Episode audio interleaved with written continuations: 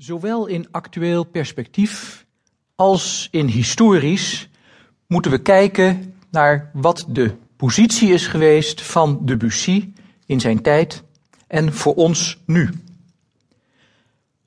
Ik probeer dat te doen in twee colleges die vooral te maken hebben met Debussy en zijn tijd en voor een deel ook zijn persoon. En twee colleges die vooral draaien rond zijn muziek.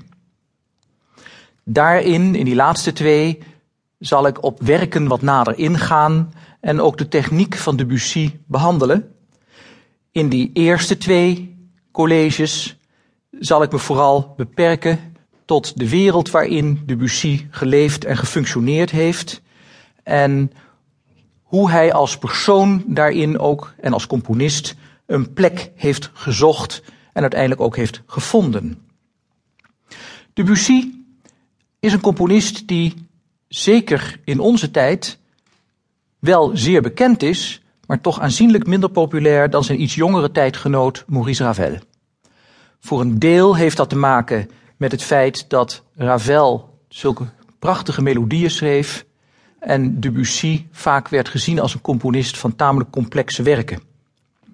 Daarnaast heeft het ook te maken met het feit dat Debussy heel bewust, bijna rebels, anticlassicistisch in zijn werk aan de gang is gegaan.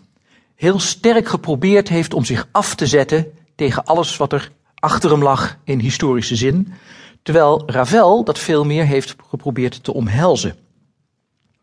Maar uiteindelijk moeten we wel constateren, en dat zullen we ook in die vier colleges vanzelf merken, dat de componist Claude Debussy de eigenlijke grondlegger is van de muziek van de 20e eeuw.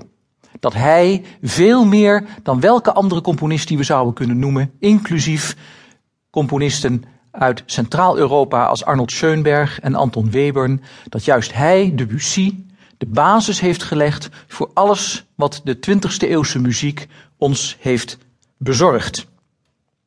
In elk opzicht moet ik ook zeggen. Zowel melodisch, ritmisch als harmonisch heeft hij de grondvesten van de muziek doen schudden. Weliswaar op een uitermate genuanceerde manier, want dat was zijn wijze van componeren, maar toch.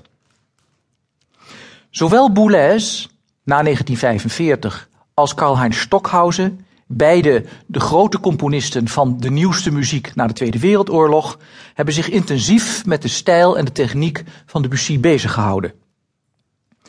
Boulez zegt erover zoals het duidelijk is dat de moderne poëzie haar wortels heeft in sommige gedichten van Baudelaire, zo is het ook gerechtvaardigd te zeggen dat de moderne muziek ontwaakt met L'après-midi d'un faune.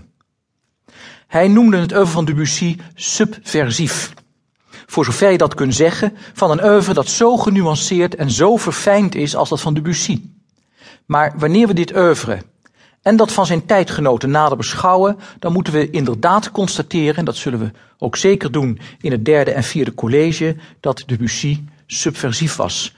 Dat hij een zeer geavanceerde, unieke toontaal heeft ontwikkeld, die haaks stond op datgene wat er in zijn tijd gewoon werd geacht te zijn.